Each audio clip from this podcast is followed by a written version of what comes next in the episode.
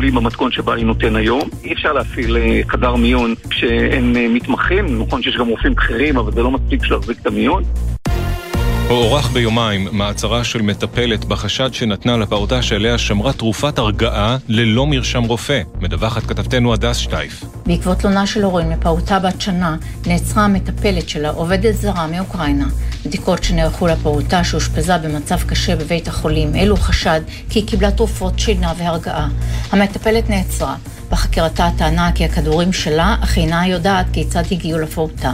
מעצרה הוארך ביומיים, הפעוטה שמצבה הוטב שוחררה לביתה. ועדת הבחירות המרכזית דחתה עתירה שהגישה מפלגת יש עתיד נגד סרטון של הליכוד, שבו נטען שראש הממשלה לפיד נפגש עם בכירים ברשות הפלסטינית.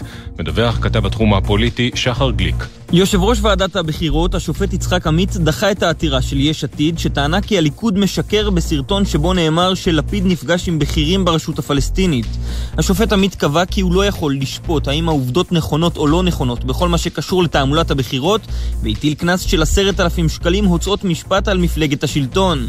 כזכור, בשבוע שעבר קיבל השופט עמית עתירה של יש עתיד על סרטון אחר של הליכוד, וחייב אז את המפלגה לשלם 40 אלף שקלים פיצוי. התחזית חם מהרגיל עד שרבי ברוב אזורי הארץ, וברצועת החוף מוסיף להיות הביל, מחר ישרור עומס חום כבד עד קיצוני. אלה החדשות.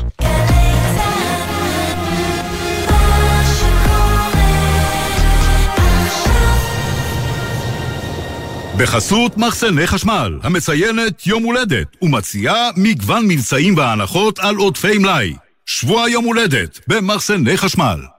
בחסות אייס, המציעה מבצע ללא מע"מ על מאוורר תקרה סטאר 7. גם ככה חם, בשביל מה צריך מע"מ? בסניפים ובאתר, אייס.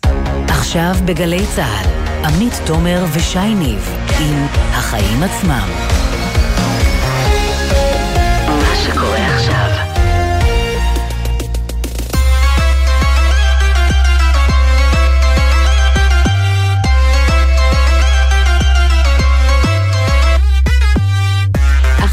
שש וכמעט חמש דקות, אתם על החיים עצמם, התוכנית הכלכלית-חברתית של גלי צה"ל.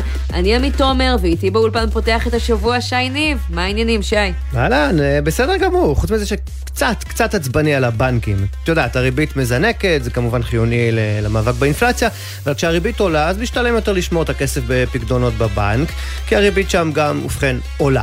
אלא שמסתבר שבעוד שהריבית זינקה בחדות, הפקדונות, איך נאמר בעדינות, לא ממש זינקו. מעצבן, וככה זה גם הופך לפחות משתלם, ובעיקר גורם לבנקים להרוויח הרבה יותר על חשבוננו, כי הריבית בשבילם כן עולה.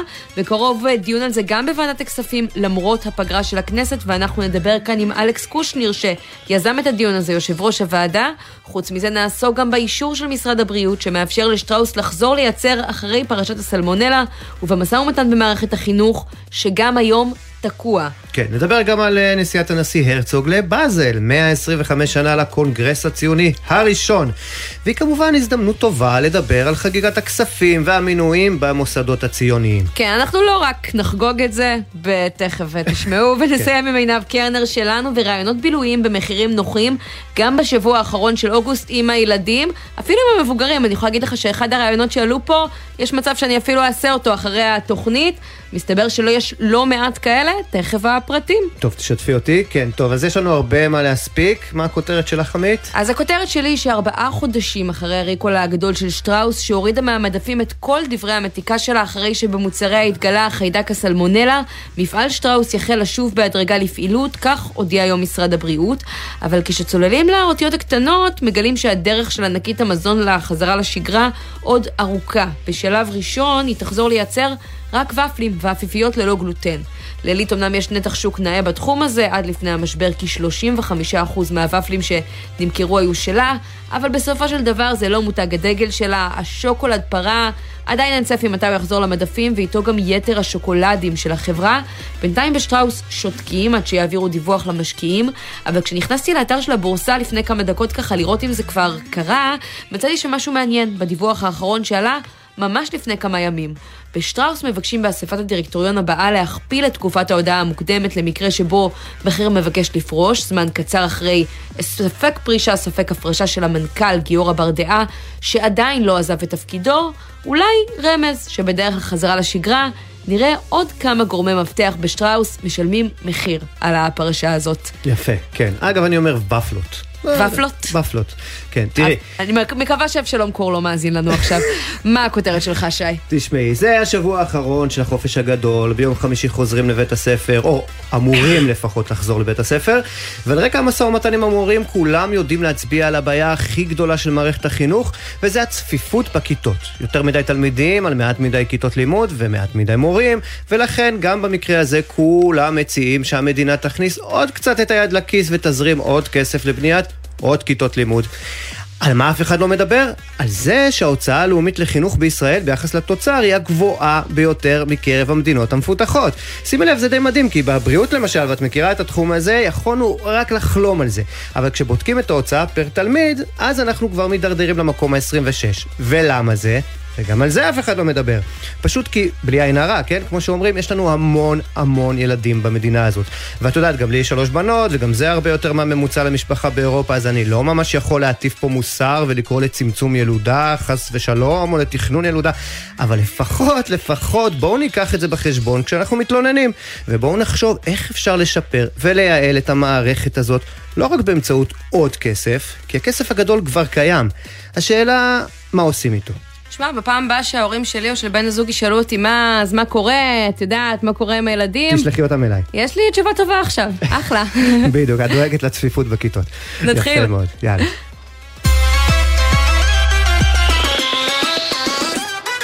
אז בשבוע שעבר בנק ישראל העלה את הריבית במשק ודיברנו על כל הנפגעים מכך, מי שיש לו משכנתה ישלם יותר החזר חודשי ומי שלוקח הלוואה יצטרך להחזיר יותר כסף לבנק, אבל בצד השני של המשוואה מסתבר הדברים נראים אחרת. לכאורה, יש כאלו שהעלאת הריבית אמורה לסייע להם. מי שחוסך כסף בפקדונות אמור לקבל ריבית יותר גבוהה על החיסכון שלו, הכסף שהוא מפקיד בבנק, אמור. אלא שמתברר בדיוק, אמור זה שם המשחק, זה ממש לא המצב אה, בשטח, וברוב הבנקים אה, אנחנו רואים שהריבית על הפקדונות היא פחות מחצי ממה שהריבית אה, של בנק ישראל, וזה מדאיג גם את חברי הכנסת שלנו, את חבר הכנסת אלכס קושניר, יושב ראש ועדת הכספים, שפנה היום לבנקים ולמפקח על הבנקים, הוא ביקש מהם, תנו לציבור קצת יותר, אבל מה אפשר לעשות מעבר ללבקש יפה?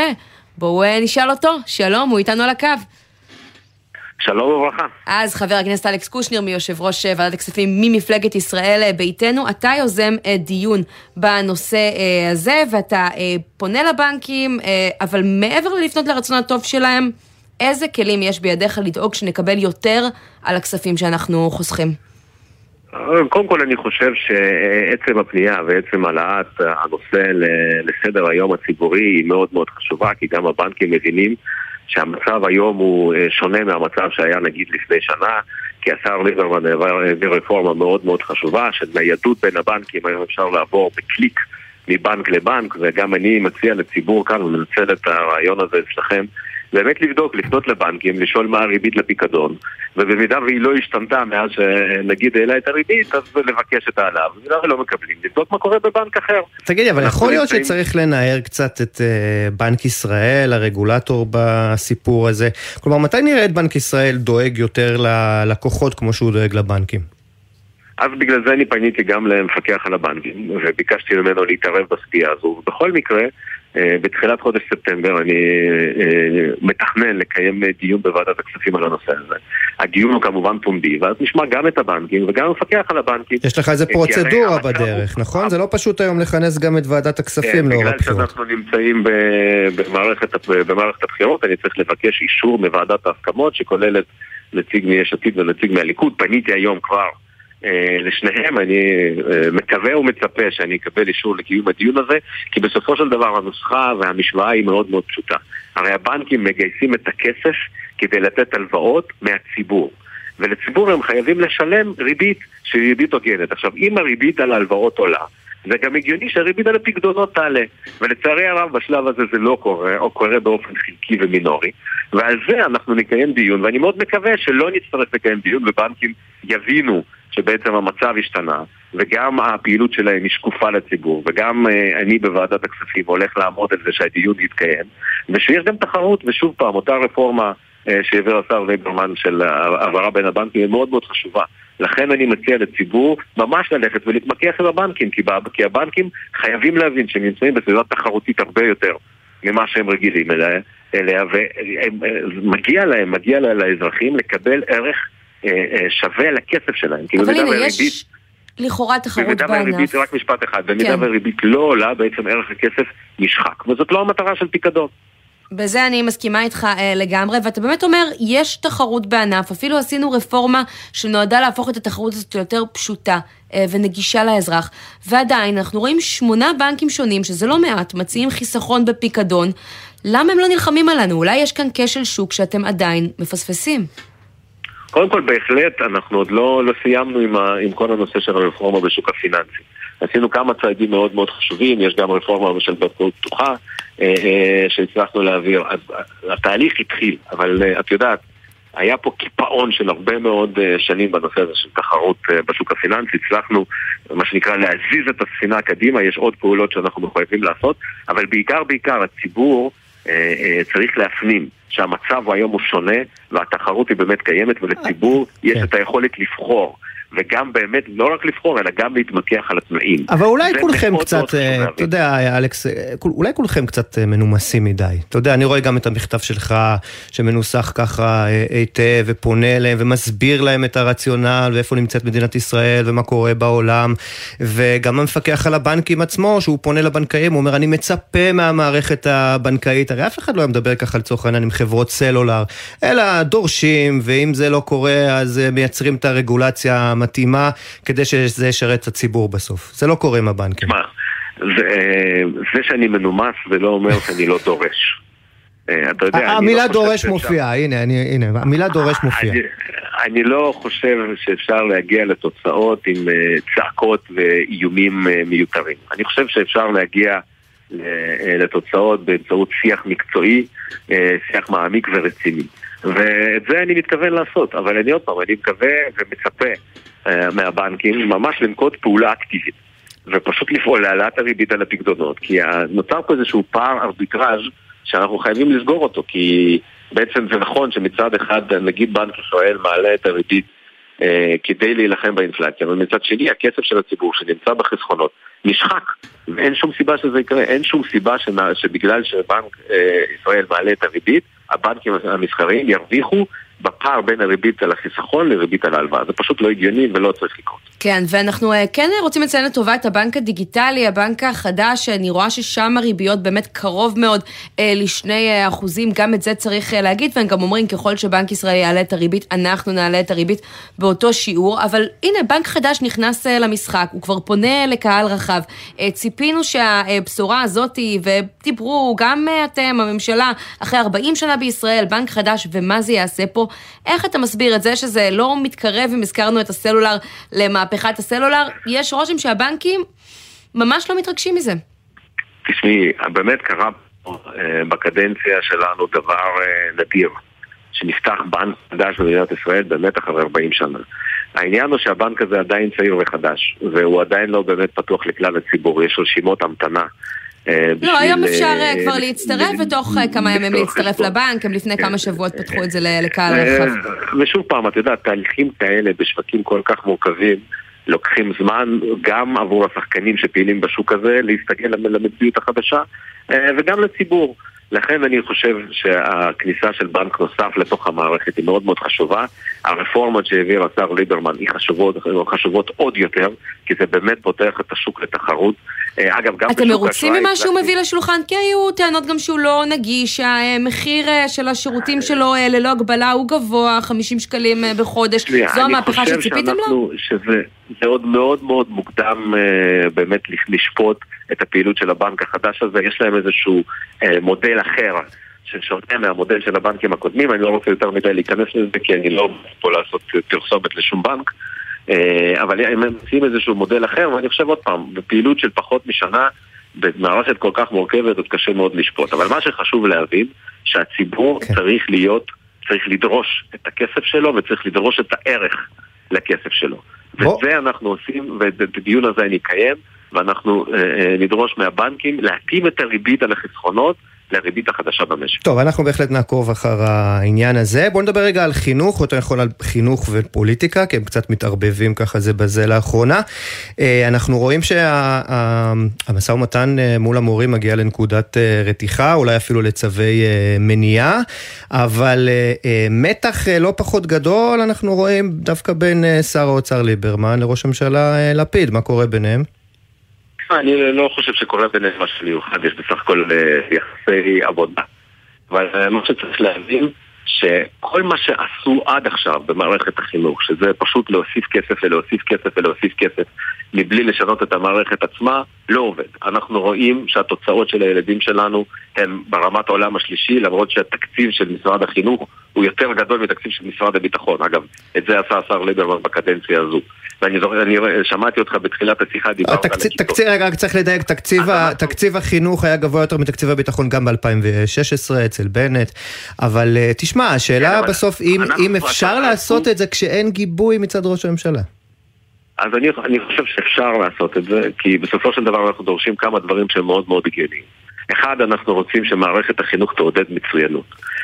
אבל זה אתם דורשים כישראל ביתנו, אני חייבת להגיד לך, ושמעתי את ליברמן היום אה, בצהריים, אומר לכתבים, אנחנו פנינו לפרקליטות והם עומדים להוציא צווי מניעה, ורגע אחרי אומר ראש הממשלה, אני אבחן את זה, אבל קודם כל תמצו את המשא ומתן, אז עושה רושם שאתם לא מדברים באותה שפה. אז אנחנו גם רוצים למצות את משא ומתן, ואני אומר לך שהמשא ומתן הזה יימשך עד הצלצול הראשון ב-1 בספטמבר, ונעשה הכל כדי שלא נצטרך להכיל את צווי המניעה. אלא רוצים להגיע באמת למיצוי משא ומתן. אבל עוד פעם, צריך להבין כדי שהציבור יבין מה עומד על הפרק.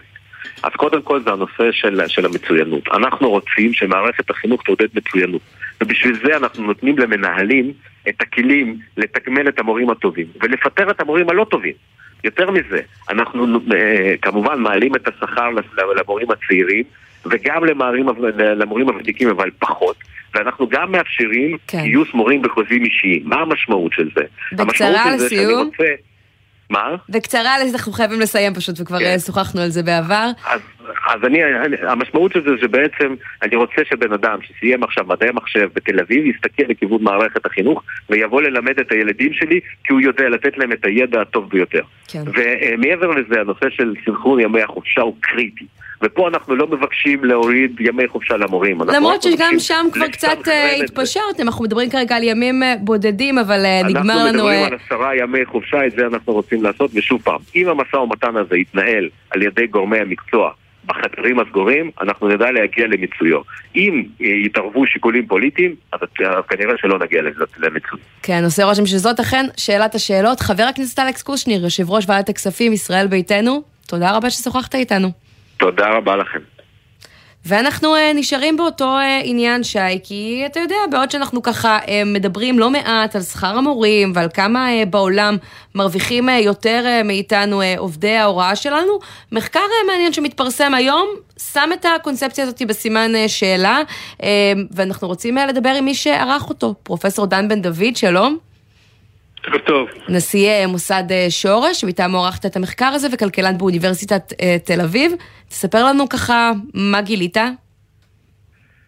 למעשה אנחנו חוקרים את מערכת החינוך כבר מספר שנים, ובשבועות האחרונים אנחנו רואים יותר ויותר נתונים שהם לא מוכרים לנו לגבי השכר, שזה פשוט זווית אחת של כל העסק. אה, אז החלטנו לפרסם את מה שאנחנו יודעים מהמחקר, מהמחקרים שלנו בנושא. מה, ש, מה שמתברר, אה, אז קודם כל, השכר, אה, השכר החודשי או השכר השנתי בישראל של המורים הוא, הוא באמת נמוך ביחס לממוצע של ה-OECD, אין, אין ויכוח לגבי הסיפור הזה. אבל, א', השכר של כולנו יותר נמוך. אנחנו עניים יותר מרוב המדינות המפותחות ב-OECD, אז זו לא חוכמה. ב', יש גם שאלה אה, כמה עובדים המורים. כלומר, אם אנחנו מסתכלים לא על השכר החודשי, אלא על שכר לשעת עבודה.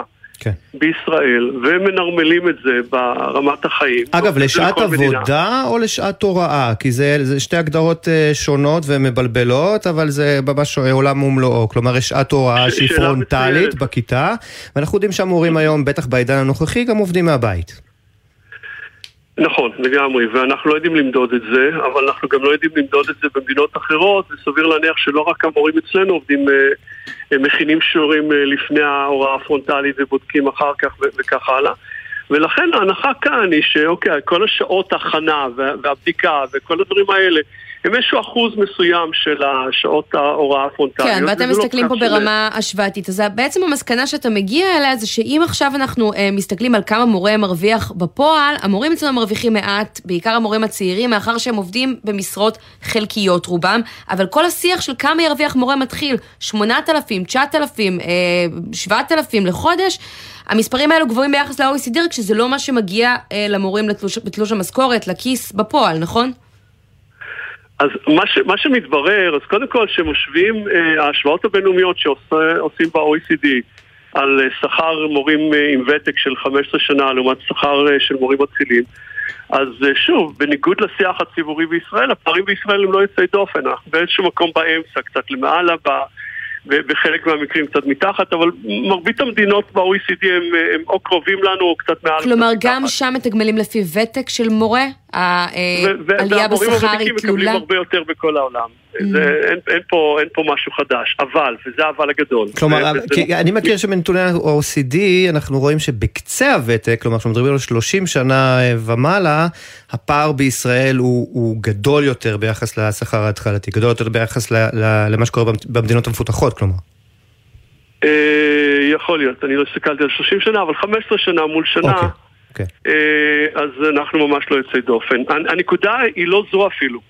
כי ההשוואות האלה שעושים ב-OECD הם למשרה מלאה תקנית. הבעיה היא שמורים מתחילים, כפי שאמרת, הם, הם למעלה, למעשה אחד הדברים שהתברר לנו זה שלמעלה מ-90% מהמורים המתחילים עובדים משרה חלקית. והשכר של המורים במשרה חלקית הוא מאוד נמוך, הוא פחות מחצי ממה שהיו מקבלים אילו היו עובדים משרה מלאה. ולכן כשמשווים מורים ותיקים יותר, שלרוב עובדים יותר, אה, אחוז גבוה יותר מהם עובדים משרה מלאה, למורים מתחילים שמרביתם הגדול עובד במשרה חלקית, אז מקבלים את הפערים הפנטסטיים שיש בישראל. אז בעצם אתה אומר, מצב המורים על הנייר... הוא מצב טוב, אבל מצב המורים בפועל הוא לא כל כך טוב. יש לך גם איזה המלצה, שורה תחתונה, איך בכל זאת אפשר ככה לשנות את זה? אז, אה, אז ההמלצה העיקרית שלי זה, מה, זה בעצם רפורמה מבנית במערכת החינוך, על איך אנחנו בוחרים מורים, מכשירים אותם, מתגמלים אותם. כלומר, אתה כן בעמדה נקודות. של משרד האוצר מהבחינה הזאתי, של צריך לתגמל את המורים אה, לא רק על פי ותק, למרות ההשוואה העולמית שמראה שאנחנו לא מיוחדים בזה. לא רק שלא על פי ותק, אלא בסך הכל יש כאן בעיה של משרד ענק. דיברתם על זה לפני שעליתי לשידור, שמעתי. אה, משרד ענק עם התקציב הכי גדול אה, במדינת ישראל, ששורף פה כסף כבר שנים, ועושה micro-management לכל אורך השדרה החינוכית כאן. ובמקום שיקבע מה רוצים שילמדו, ויאפשרו למי שיש לו את האחריות על הביצועים, המנהלים, שיהיה להם גם סמכות לחלק את הכסף איך שהם אה, רואים לנכון, ומעליהם איזשהו ועד מנהל ששם כן יכולים לשבת וצריכים לשבת אנשים ממשרד החינוך, כן. לפקח על, על המנהל. אבל שהוא מקבל תקציב ושיחליט את תוכנית עבודה ואיך הוא מבצע ואת מי הוא רוצה להשיג וכמה הוא רוצה גם לתת לבן אדם. כן, זה, זה כמעט, אח, זה כמעט אחרית הימים כשאנחנו מסתכלים על הימים האחרונים, אבל תשמע, אתם, אתם אומרים במחקר הזה גם שהמורים בישראל, באוריינות ובמתמטיקה, הידע שלהם הוא, הוא נמוך משמעותית ביחס למדינות המפותחות. מה זה אומר? איפה זה בא לידי ביטוי? שהם לא יודעים הרבה מהחומר. ואגב, אני חייב לסייג את זה, כלומר, אני לא רוצה פה למרוח כל המורים, יש מורים מצוינים שעושים את זה מתוך שליחות, היו יכולים לעשות הכל, אבל הם היוצאים מן הכלל, הם לא הכלל. והכלל בישראל, במבחנים כמו שיש את הפיזה לילדים, יש מבחן שנקרא פיאק למבוגרים. ושבודקים אה, מה רמת האוריינות הקריאה והאוריינות המתמטית של מורים בישראל בהשוואה למורים במדינות המפותחות, המורים שלנו בתחתית של העולם המפותח, שזה לא מפתיע, כי מסתכלים מי הולך ללמוד אה, חינוך בישראל. אז כ-80% מה, מה, ממי שלומד אה, חינוך או הוראה לומדים במכללות להוראה. כן. שתנאי הקבלה של כל המכללות האלה מתחת לתנאי הקבלה של כל חוג וכל אוניברסיטה בישראל, מלבד כמה מדעי הרוח. הפסיכומטרי הממוצע של מי שלומד שנה ראשונה במכללות להוראה הוא נמוך ברבע מסטודנט ממוצע באוניברסיטה. אז אם אנשים שלא מסוגלים בעצמם להגיע לאוניברסיטה מלמדים את כן. הילדים שלנו, איך אנחנו מצפים שנגיע לרמה יותר גבוהה אה, בהשכלה של הילדים. כן. ברור. טוב, אה, מה שנקרא בנימה פסימית זאת, נגיד לך תודה, פרופסור דן בן דוד, על המחקר המעניין וששוחחת איתנו. אפשר לתקן, אפשר לתקן, זה חשוב להדגיש, ישראל יש לה היסטוריה שהגב אל הקיר מטפלים בבעיה. כן. אבל צריכים להבין שפה הגב אל הקיר. וצריכים לטפל בזה כמו שצריך. נראה מה יקרה בימים הקרובים. תודה רבה ששוחחת איתנו. תודה רבה. ואנחנו רוצים אה, לדבר על עוד עניין אחד שקשור לענייני החינוך, אבל מזווית קצת אחרת והוא קצת נדחק. היועצים החינוכיים, גם הם יוצאים למחאה. אה, בעוד זמן קצר הם יפגינו מול בית ראש הממשלה, אה, והם, מתברר, מרגישים שלא ממש סופרים אותם בדיוני השכר האלה, ויש להם דרישות אחרות. בואו נגיד שלום בעניין הזה לשגית פוליטי שלום. שלום. שלום, ערב טוב, מה שלומכם? את יועצת חינוכית וממובילות המחאה. קודם כל תעשי לי רגע סדר, כי אמנם עברו ככה כבר כמה שנים אה, מאז שאני ישבתי על ספסל הלימודים, אבל אצלי בבית ספר אני זוכרת שהיועצת החינוכית הייתה גם מורה. היום זה פונקציות אה, נפרדות? בואי נגיד ככה, קודם כל חשוב להבין שכל הנושא הזה של ההוראה, אנחנו נחשבות מורה יועצת, אבל בפועל אנחנו אחראיות על הבריאות הנפשית של כל באי בית הספר. על הרווחה הנפשית של התלמידים, של המורים, של ההורים. אנחנו חלק מהנהלה. אז זאת אומרת, אנחנו נכנסות לכיתות ואנחנו מקבלות שכר כמו המורים, אבל העבודה שלנו שונה בתכלית. ממה שבעצם מורה... אבל איך שב... בעצם עכשיו כשיש אה, דיונים בעצם על שכר המורים ושכר המנהלים אה, ו- וכולי, אתם לא נכללים בהם, או שאתם פשוט מרגישים שמי שמנהל אותם לא ממש מייצג את הקול שלכם? כרגע בשלב הזה, אם תסתכלי על כל הסכמי השכר שהתפרסמו בתקשורת, לא, ולו במילה אחת, לא מזכירים את היועצות והיועצים. אנחנו, קודם כל, אה, הפרופסור דיבר קודם על המחקר ועל ההכשרה, אנחנו חייבות תואר ראשון, תואר שני בייעוץ חינוכי, שלוש שנות התמחות עם רישיון לעסוק בייעוץ והשתלמויות והמון המון קורסים והרבה הכשרה כדי שנוכל להיות יועצים חינוכיים. אבל אני רוצה להבין, כשה, ו... כשמשרד האוצר לצורך העניין מדבר על תוספת של 30 אחוזים למורה מתחיל, אז הם מתכוונים גם ליועצת חינוכית אה, מתחילה בבית ספר, לא? הם מתכוונים גם ליועצת חינוכית, אבל שוב, האפיון הוא שונה. שתבינו שכל הנושא הזה של באמת היועצת החינוכית בבית הספר היא לא רק נכנסת לכיתות, היא בעצם אחראית על כל מה שקורה בתוך בית הספר. על כל מה שקורה בתוך בית הספר, והתגמול שלנו הוא מבזה. ואתה יודע מה? התגמול שלנו יותר קטן ממחנכות, ממורות שילוב ומכל מיני גורמים בתוך בית הספר, ששוב, אה, אה, כבודם ומקומם מונח, ואנחנו באמת, אנחנו עובדים ביחד ובאמת אה, בהתנהלות מיטבית, אבל בסופו של תהליך אנחנו לא מקבלות, אנחנו תחשבו על המתמחים. שוחחת לאחרונה עם יפה בן דוד על העניין? היא מכירה את הדרישות שלך? אני יודעת, בטח שהיא מכירה, אנחנו אה, ככה נמצאים מדי פעם בקשר איתה. כרגע היא לא נפגשת עם אף אחד מכיוון שהיא נמצאת בתוך המשא ומתן, אבל חשוב להבין באמת שאנחנו כרגע לא סומכים על אף אחד, ולכן היום אנחנו יוצאות להפגנה. ולכן אנחנו במאבק הזה 24-7 ונמצאות בכל מקום כדי שישמעו את הקול שלנו כי לא שומעים את הקול שלנו והיועצת שהייתה פעם כשאני הייתי ילדה אוקיי? שהייתה אולי ספונה בתוך החדר, היום זה לא. Mm. אין ילד שלא מכיר את היועצת החינוכית, אין ילד נכון. שלא, אני יודעת, אצלי זה היה כמו תחנת רכבת. מרכזיות מאוד באים... בבית הספר, אין ספק. מרכזיות וללא זמן. אז אתה יודע, אני אישית הייתי בסופו של דבר נפגשת עם הילדים אחרי הצהריים, כי לא היה לי זמן להיפגש איתם במהלך היום, ומרימה טלפונים לראות מה קורה, כי אני לא ישנה טוב. בעצם מהמקום הזה שאני יודעת שיש ילד שנמצא במצוקה וזו אחריות שלי כי אני כן. יודעת שהוא נמצא במצוקה. רגע, אז אתם מנהלים משא ומתן נפרד מול משרד האוצר עכשיו? לא, לא, לא, המשא ומתן הוא חלק מהסתדרות המורים. כלומר, חלק מהבקשות והדרישות, הייעוץ החינוכי אמור להיות שם. אז למה הסתדרות המורים לא אמור... מפגינה איתכם? בעיקרון, הסתדרות המורים הייתה אמורה להפגין איתנו, אני לא יודעת, משום מה זה השתנה. אני לא נכנסת לזה גם. בסופו של דבר, אנחנו הבנו שאם אנחנו לא נדאג לעצמנו, אף אחד לא ידאג לא, לנו. לא, אני אגיד לך למה אני שואלת, כי את אומרת, אם, אני אדאג, אם לא נדאג לעצמנו, אף אחד לא ידאג לנו, אבל בסופו של דבר, אתם לא יושבים בחדר המשא ומתן מול מקבלי ההחלטות. נכון. אז אני חושבת שזה קריטי, האם אתם מרגישים שמי שיושב שם בשמכם, מייצג אתכם ואת האינטרסים שלכם, או שקצת נפלתם בין הכיסאות? אנחנו רוצות להאמין, אבל את יודעת מה? אנחנו, באמת, אה, אה, קצת הנאיביות שלנו אה, זזה הצידה. ואנחנו מאמינות שאם לא נקום ונזעק את הזעקה, אנחנו נקבל באמת את ה-30% של כל מורה מתחיל או מורה ותיקה. אני נמצאת 18 שנים במערכת, 18 שנים יועצת חינוכית, פלוס מדריכה ביחידה למיניות ומניעת פגיעות מזה 12 שנה, והשכר שלי מבזה. כאשר אנחנו, אנחנו כונניות 24-7, אנחנו נמצאות שם בכל מצב, אתם שומעים איזשהו אירוע שקרה עם ילד בחדשות, מי נמצא שם? היועצת החינוכית. כן. אתם שומעים משהו שקרה לאיזה ילד, איזה חרם שהוא עבר, מי נמצא שם בחזית? היועצת החינוכית. יש סיכוי שאתם תשבתו, הודיתם היום על שביתה, שאתם תשבתו גם אם המורים יחליטו שהם מגיעים להסכמות?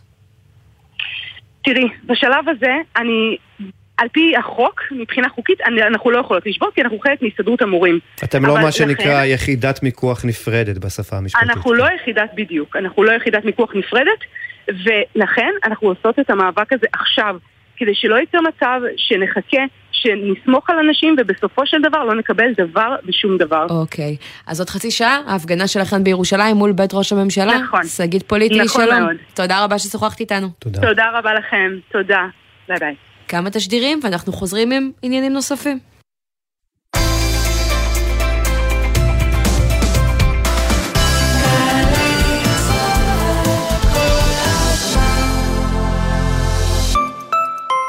יצואנים, תעשיינים וחברות עסקיות, רוצים לייצא לחו"ל? לפרוץ לשווקים חדשים? תוכנית כסף חכם החדשה מחכה רק לכם. כ-90 מיליון שקלים יוענקו במסלולים ייחודיים ליצואנים מתחילים או מנוסים. עד חצי מיליון שקלים לחברה. אל תוותרו על הסיוע, עכשיו תורכם לגדול לעולם הגדול. המקצה פתוח עד 31 באוגוסט. מהרו להגיש. לפרטים חפשו ברשת כסף חכם או ייכנסו לאתר מנהל סחר חוץ במשרד הכלכלה והתעשייה, כפוף לתנאי התוכנית. הופה כבר הגעת, הופה כבר הגעת, הופה כבר הגעת, הופה כבר הגעת.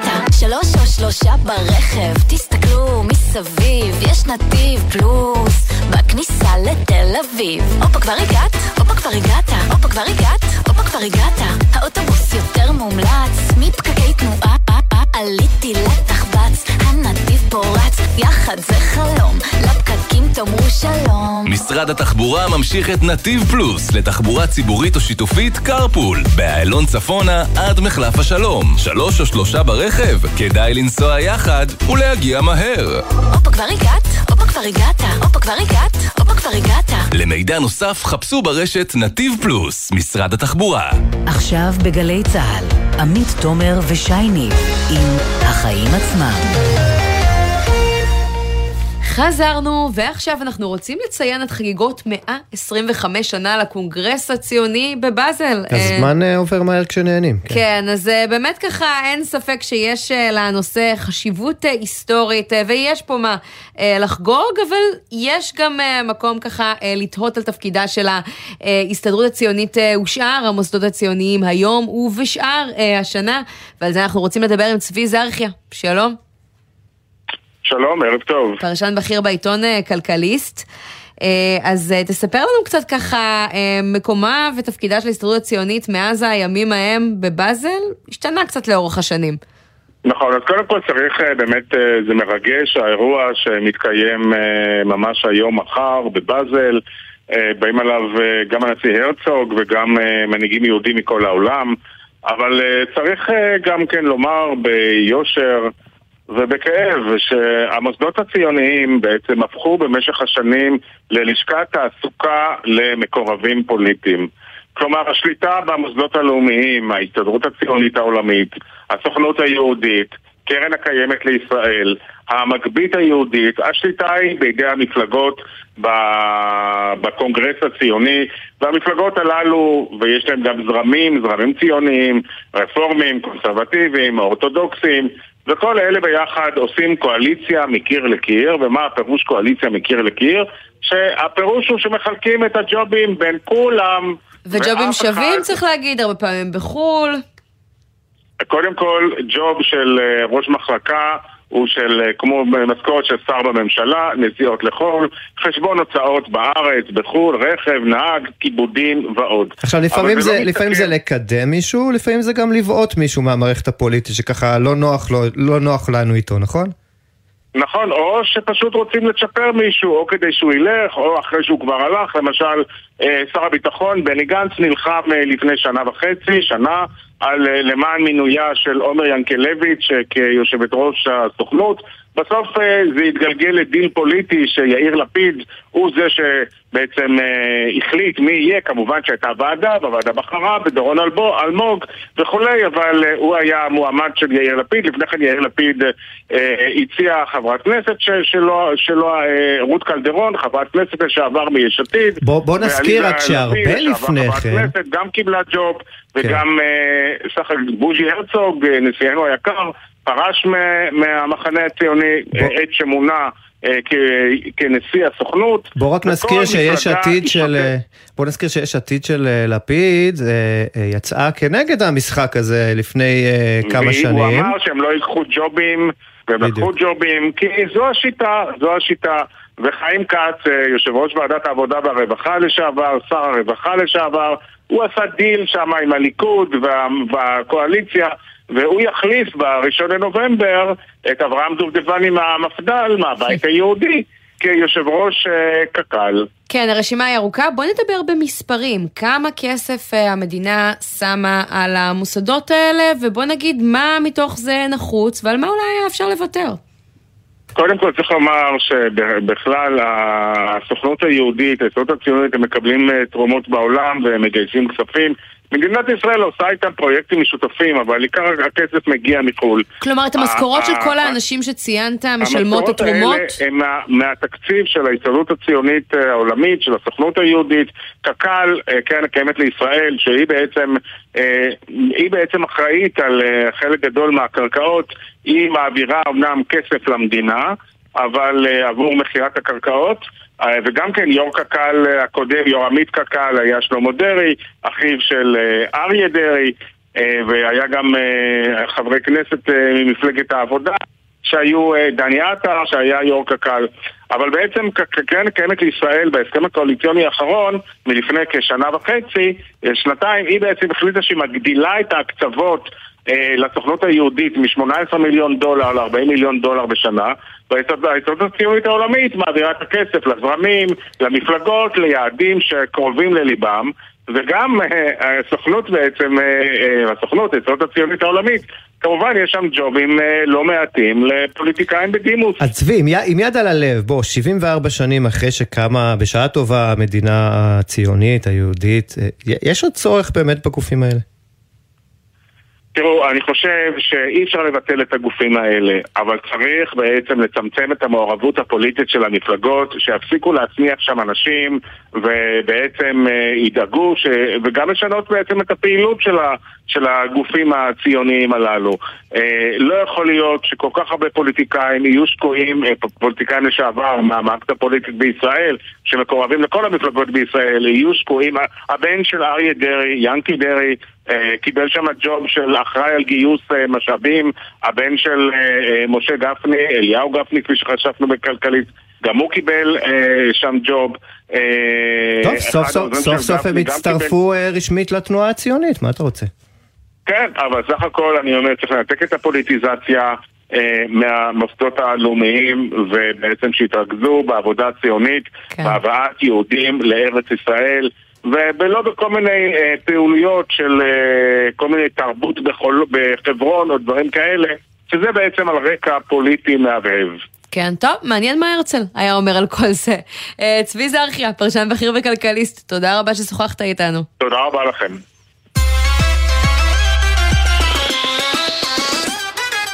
ועכשיו אנחנו לווייז קרפול, שירות התחבורה השיתופית שככה אה, הושק אה, בחגיגיות ועם הרבה מאוד אה, תקוות. יצא שזה... לך? יצא לך לאסוף האמ... נוסע בדרך? אז האמת שלפני כמה שנים, בתור עיתונאית, עשיתי על זה איזושהי סדרת כתבות, וניסיתי גם להסיע וגם לנסוע בשני הכובעים, ובשני המקרים זה נגמר בכישלון.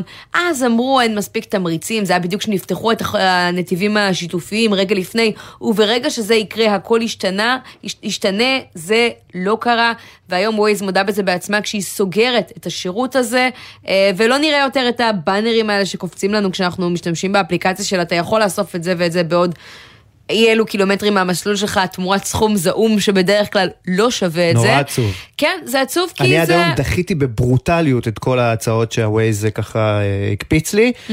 אבל היום אני קצת אה, מבואס. מתחרט על לזה זה. עוד צ'אנס, כן.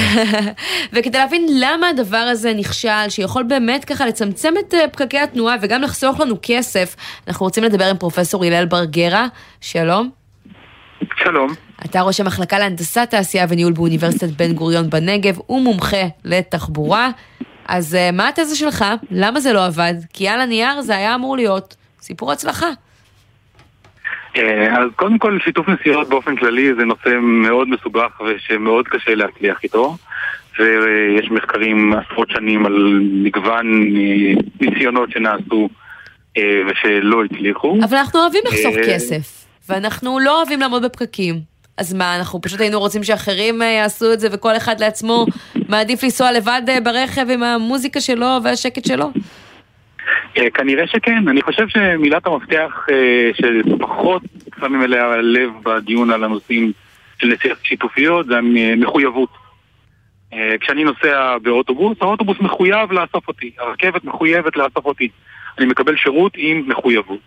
ולעומת זאת בווייז קרפול, אה, בסיטואציה שתיארת לפני רגע, וכשקיבלת את ההודעה, אה, את אומרת, אה, האם כדאי לי ללכת לאסוף נוסע שאולי יהיה שם ואולי לא יהיה שם, אני לא מכיר אותו, אותה או אותו, אני לא יודע עד כמה הם מחויבים, הם מצדם לא יודעים עד כמה אני מחויב כנהג, או בתור נוסע לצורך העניין, אם אני עכשיו אה, מחכה לרכב שאמור להגיע בגלל שווייז קרפול אמר, הרכב יבוא לאסוף אותך בשעה זאת וזאת. אני אה, לא יודע אם אני יכול לסמוך על זה. והאמ- האמון, המחויבות, החוזה, אם תרצי לקרוא לזה כך, בין הנוסע למסיע, הוא משהו מורכב שכנראה, לדעתי, ווייז קרפול לא פיצחו אותו. אולי ווייז הייתה היו עוד צריכה סיבות, לייצר קבוצות אה. סגורות יותר, ממוקדות, לצורך העניין לפנות ל- לקהל יעד של אה, סטודנטים למשל. אה, אז הנושא של אה, שיתוף נסיעות בקבוצות הוא אה, יותר מצליח, כן? אנחנו יודעים סטודנטים, אני מרצה בבן גוריון, הסטודנטים אני יודע מתארגנים בקבוצות, הבת שלי למדה בטכניון גם. אה, נכון. סטודנטים שם התארגנו בקבוצות, אז זה קבוצות שמכירות את אחת השנייה, באמת זה עובד. אז מה, זה חשש? מלהכניס בן אדם זר לרכב? זה הסיפור כן, לדעתך? בהחלט, בהחלט, בהחלט, בפרט בתקופה של קורונה. אה, אז ומצד שני, לא אנחנו פוגשים היום לעניין הזה. אנשים מהאינטרנט, מהטינדר, מהאפליקציות, אתה יודע, אתה יוצא לדייט עם בן אדם שאתה לא מכיר רק לפי שם ותמונה. הנה, יש לך פה סטארט-אפ, לשלב מה? בין Waze Carpool לבין אפליקציית היכרויות. כלומר, כל מה שהיה צריך לעשות אולי, Waze הייתה צריכה להוסיף תמונה, איזה כמה פרטים, אה, מצב העו"ש נגיד. אה. ו... איי, חבל שכבר סגרו את זה. לא, אבל באמת אני טועה, כי אנחנו פוגשים אנשים זרים, אנחנו מבלים איתם זמן. איפה עובר הקו? מה ההבדל? שאלה טובה, אני לא בטוח שיש לי תשובה מלאה על העניין הזה. אה, אה, אני חושב שבנוסף ל... אולי אה, הבעיה הייתה לשירותי באלגוריתם, כי הרבה אחרות, פעמים אני יכולה להגיד לך שבתור נהגת, ראיתי בן אדם שאמור להיות על הדרך, אבל הוא ממש לא היה על הדרך, לנסוע חמישה קילומטרים, שישה קילומטרים כדי לאסוף בן אדם שלא במסלול שלי, תמורת אה, סכום, לא יודעת, עשרה, עשרים, שלושים שקלים, זה לא בדיוק אטרקטיבי. זה נכון, זאת אומרת, בנוסף לכל שאר הדברים שצריכים להתאים, אנחנו צריכים להתאים, ב... כדי להצליח לעשות שיתוף נסיעות, הנסיעות צריכות להיות מתואמות בזמן ובמקום. איך ווייז, חברת טכנולוגיה, לא הצליחה לעשות את זה יותר לאותו טוב? מקום, בערך באותו זמן. אה, אני לא יודע, אני לא הייתי שותף לתהליך ואני לא, לא משתדל לא לשפוט אה, עבודות של אחרים בלי שראיתי את התוכן של העבודה. כן. אה, אני כן יכול להגיד שזה אתגר קשה, שהמחקרים מראים שככל ש... אה, אה, שהיכולת לתאם בנסיעות של אנשים אקראיים, שאני, אה, ש- שמשתמשים באפליקציית Waze, הסיכוי ששני משתמשים של אפליקציית Waze יהיו, יגיעו פחות או יותר ממקום, מאותו מקום, לאותו מקום, אה, באותו זמן, אה, כן. זה סיכוי אה, לא גבוה. במרכז, במקומות צפופים, אז במילא קשה לנסוע עם האוטו, וה- זה, זה פחות עובד, ומקומות אה, פחות צפופים, שוב, יש פחות אנשים, ברור. ואז הסיכוי להתאמה הוא יותר אז נמוך. לס- אז, אז, מאתגר. אז הסיפור הזה של ווייז, זה משמעות, משמעות הסקירה הזאת הוא כישלון התחבורה השיתופית באופן כללי, לדעתך, או שרק הניסיון שלהם לא צלח? אני לא חושב שזה כישלון אה, כללי. אנחנו עושים מחקר למשל על שיתוף נסיעות מהרכבת. הגענו כמה, ירדנו 30, 40 או 100 איש מהרכבת ביחד, אנחנו כבר נמצאים באותו מקום, באותו זמן. אה, לחלקנו יש אולי רכב פרטי, אבל חלקנו מחכים לטרמפ מהחברים או האבא או האימא. אה, חלקנו עם 20 או 30 איש מתוך האנשים שנסעו ברכבת יזמינו שירות בנסיעה משותפת, אז יהיה אפשר לעשות נסיעה שיתופית. וזה איזושהי נישה שבה אני חושב שיש סיכוי קצת כן. יותר גבוה להצליח. יכול להיות שיש נישות אחרות, אני לא, אה, לא יודע להגיד את אה, מה כל האפשרויות. אוקיי, אז אולי בפעם הבאה. יש סיכוי לנסיעות שיתופיות, אבל צריך להבין שזה קשה. כמו כל סטארט-אפ, כל, רוב הסטארט-אפים לא מצליחים. אז כל ניסיון כזה צריך לקחת בחשבון שהוא אולי יצליח ואולי לא. כן, וזאת גם יוזמה של סטארט-אפ, אה, צריך לומר, די מצליח. פרופסור הלל ברגרה, אה, מאוניברסיטת בן גוריון. בהחלט, הצלחה גדולה ומרשימה ביותר. בן גוריון, תודה רבה שדיברת איתנו. תודה לכם, יום טוב. איזה חום, אה?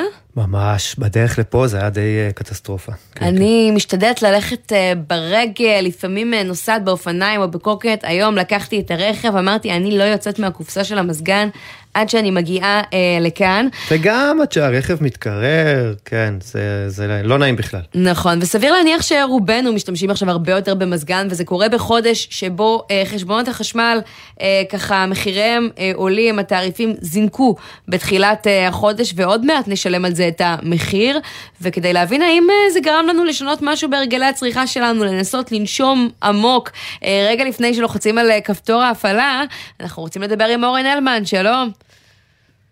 אהלן, עמית ושי. סמנכ"ל שירות בחברת החשמל, כמה שעות בבית שלך המזגן אה, דלק היום?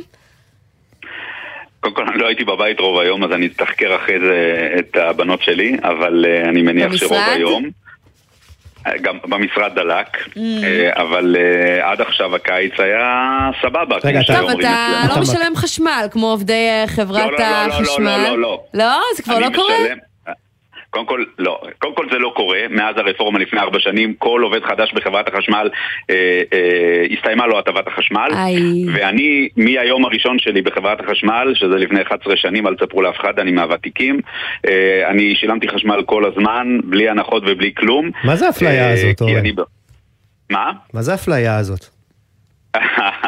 זה בסדר, אבל אני משלם חשבונות נמוכים כי אני קמצן. אני חוסך, והבנות שלי כל הזמן אומרות לי שאבא קמצן. רגע, אצלך המזגן הוא על 25 אה, בול, לפי ההנחיות? הוא על 25, אבל אני חייב להגיד לך שבקיץ הזה כמעט ולא הפעלנו מזגן.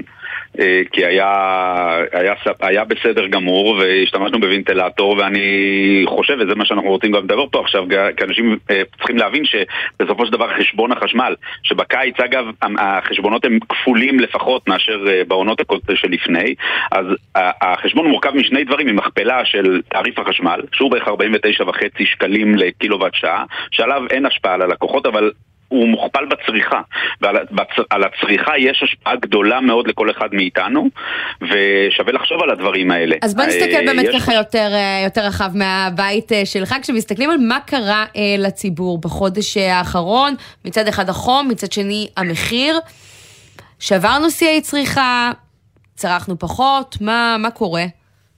נתחיל להגיד שלציבור הישראלי קרה בערך עשרה אחוז ממה שקרה לציבור באירופה.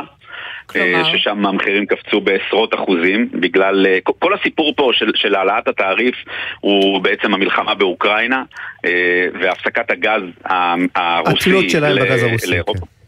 נכון, ואז הם בעצם אה, צרכו פחם, מה שהקפיץ את מחיר הפחם פי 500, אה, פחות או יותר, מהראשון לראשון 2021, שהיה בערך 68 דולר לטון פחם, זה הגיע כבר לכמעט 430 דולר לטון פחם, תעשו זה, זה חלקי זה ותגלו שזה פי חמישה פחות או יותר, 500 אחוז, אה, ו, וזה בעצם הסיפור. אה, אה, בישראל אנחנו ספגנו הרבה פחות, זאת אומרת הייתה עלייה של בערך 10 אחוזים לעומת עשרות באירופה, בגלל שיש לנו כן. גז כחול לבן. אז אחרי שאמרנו את זה, כמה השתמשנו כן. בחודש האחרון? מה, היו איזה שינויים בצריכה? לא, לא, תראה, אז בקיץ תמיד יש יותר. צריכה מוגברת יותר, אבל לא היו לנו גלי חום, ולא היה לנו קיץ חם במיוחד, אה, עד עכשיו לפחות, ולכן אה, לא נשברו שיאי צריכה. אז אתה לא מרגיש. שהיד של אנשים יותר על השלטר מאז הזינוק בתעריף? יותר. היא כן יותר. זאת אומרת, מה זה יותר על השלטר? שנייה, תסבירי לי. האם אנחנו מנסים לחסוך יותר? כי זה יקר. אה, לצערי לא. אני- א', אני מאוד מקווה שכן, כי צריך לחסוך, אה, וזה בסדר, וזה רק מסיבה צרכנית וכלכלית, לא מעבר לזה. אין שום בעיה של אספקת חשמל בישראל. אה, כדאי לחסוך, אפשר לחסוך, ויש טיפים לא רעים גם באתר שלנו, אבל אם אתם רוצים אני אתן בכמה שניות את כל התורה אה, בקליפת אגוז, וזה בעיקר, כמו שאמרתי, מהסגן על 25 מעלות, כל מעלה שמורידים, אם רוצים להיות פינגווינים וכאלה, ולהזדהות עם אנטארקטיקה. לנקות אבל איך אתה מסביר הפילטרים, לנקות את שהציבור הפילטרים עדיין לא. עושה את זה? את הטיפים אה, אנחנו, אה, אני חושבת, אה, מכירים, ועדיין אני- לא כל כך מיישמים, למרות נכון. שנשמע לא מעט ביקורת על כמה שזה כבד בכיס. זה לא מתרגל נכון, למעשים? חשמל קודם כל, שתי סיבות עיקריות. חשמל הוא מוצר חיוני, ושלוש סיבות. החשמל הוא מוצר חיוני, חשמל הוא עם ביקוש קשיח כמעט לחלוטין, כלומר קשה מאוד אה, אה, להוריד אה, צריכה, וזה גם הרבה מאוד פסיכולוגיה ותחושות. והדבר השלישי הוא בעצם שהמונים שלנו הם מונים אנלוגיים, הם מונים, אה, מוני החשמל, הם מונים ישנים, והם הם מאוד מדויקים, אבל הם... אה, נותנים קריאה פעם בחודשיים. אנחנו עכשיו בשלב של העברת המונים ממונים אה, אה, אנלוגיים למונים דיגיטליים, כלומר מונים חכמים, ואז אפשר יהיה לקבל את צריכת החשמל באינטרוולים של רבע שעה. ואת תוכלי לראות ממש, את, אתה, כן, לא משנה, תוכלי לראות בכל רבע שעה כמה ההשפעה של המוצר שהפעלת על הסיבוב של השעון ואת תוכלי להגיד אוקיי זה עולה לי הרבה, זה עולה לי פחות אה, וזה זה תהיה כבר מהפכה צרכנית אה, אמיתית כן. ושלושת הדברים האלה בעצם מייצרים קושי גדול מאוד של הציבור אה, לחסוך כי זה פחות או יותר ניסוי וטעייה שאתה מקבל את התוצאות רק אחרי חודשיים אוקיי, אורן הלמן, אז אנחנו נחכה לחשבונות החשמל שלנו ונקווה שהחום, גל החום יהיה קצר. סמנכ"ל שירות בחברת החשמל, תודה רבה ששוחחת איתנו. תודה לכם ושיהיה לנו נעים. ביי ביי עכשיו אני רוצה לשתף שי את המאזינים בשיחת הבוקר שלנו. כן, השיחה הכי חשובה של היום. אתה אמרת לי, שבוע האחרון לחופש הגדול, אני כבר לא יודע מה לעשות עם הילדות שלי. מה כבר עשית? תן את ה highlight. כל- אה, אומגות, אה, או, השפרצות מים, כל מיני כאלה. כן, טיולים. טוב, אולי אני גם צריכה להצטרף למשפחת אה, ניב לאיזה יום כיף. כמובן שהכל עולה יותר מדי, יותר מדי, כן. אבל אנחנו משתדלים, ואפרופו השיחה שנעשה עכשיו, Mm. איך לעשות את זה ככה בכסף קטן בשבוע האחרון. אז בשביל זה הזמנו את אה, עינב קרנר שלנו, כתבתם צרכנות, היא איתנו על הקו עכשיו, שלום. שלום לכם, האמת שהיום אה, הייתי באחד הקניונים הגדולים ב- במרכז. תקשיבו, ליבי עם ההורים, הם כבר לא יודעים מה לעשות עם עצמם.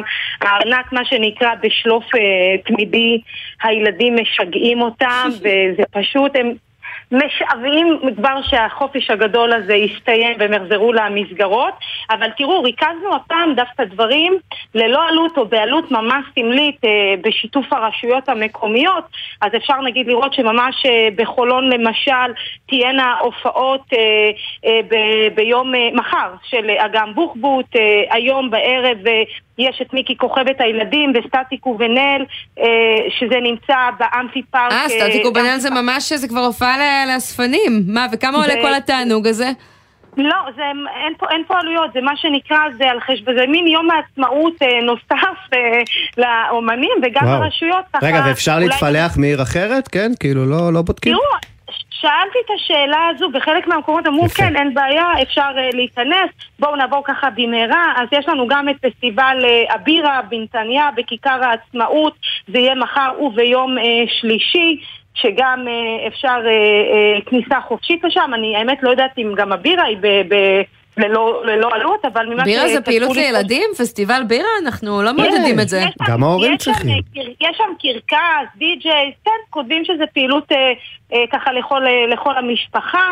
יש גם אה, בקריית אתא הפנינג לכל המשפחה, שזה יקרה גם אה, ביום שלישי בפארק אה, אה, הספורט, סדנאות, מתקנים אתגריים, אה, מתנפחים, אז שווה באמת מי ששומע אותנו גם ללכת למקומות האלה. בנוף הגליל, ממש הערב תהיה מסיבה לבני נוער עם איזי, שהוא נחשב לאחד הכוכבים, כוכבי הרוק של הנוער. ביום רביעי קרקס אה, לילדים בגילי יש משהו בדרום גם? לדרומים שמקשיבים לנו? כן, כן, כן, בוודאי. אז שדרות גולשת ביום מחר.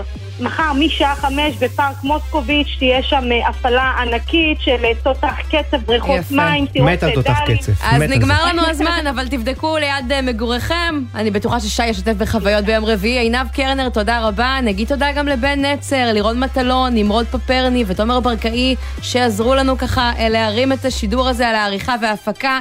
תומר רוזנצוויג על הביצוע הטכני, אביתר בר-און, עורך הדיגיטל, ומיד אחרינו, אמיר בר שלום עם 360.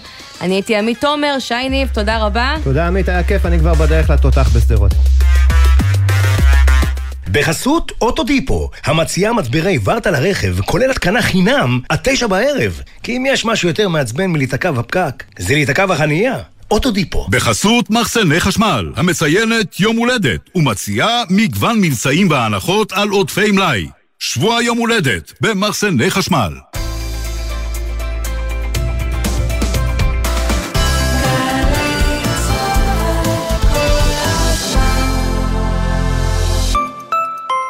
למה שתפספסו את השנה? ההרשמה לסמינר הקיבוצים עומדת להסתיים, כוכבית 8085. סמינר הקיבוצים, מכללה מובילה לחינוך ולאומנויות בישראל.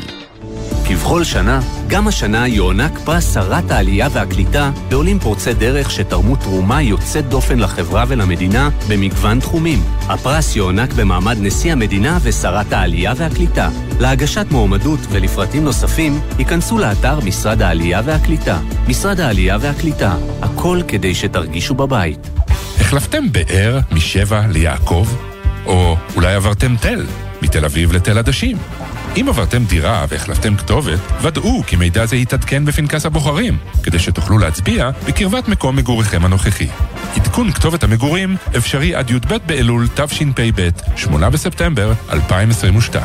כל המידע באתר משרד הפנים. לא צריך להיות חכם גדול בהנדסה כדי לחשב מרחק ביטחון. עם פתיחת שנת הלימודים, אנחנו מזכירים לילדים, לרכב ההסעות ממתינים הרחק משפת הכביש, ולא מתקרבים אליו עד שהוא עוצר עצירה מלאה. כשיורדים מהרכב בסוף הנסיעה, חוצים את הכביש בזהירות, רק אחרי שרכב ההסעות יתרחק מהמקום. שתהיה לכולנו שנת לימודים מוצלחת ובטוחה. הרלב"ד, מחויבים לאנשים שבדרך.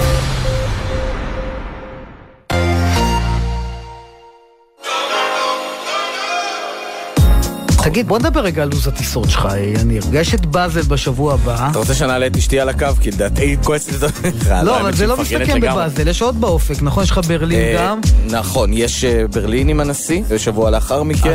רק עם בוז'י תפרת שתי נסיעות בשבועיים הקרובים. ואז יש לך לפיד בספטמבר לניו יורק. וואי, זה פשוט לא יאמן. קוראים לזה עבודה... עשן יוצא לי פה מהאוזניים. ספי עובדיה ויניר קוזין, ראשון עד שלישי בשמונה בבוקר, רק בגלי צה"ל. מיד אחרי החדשות, אמיר בר שלום.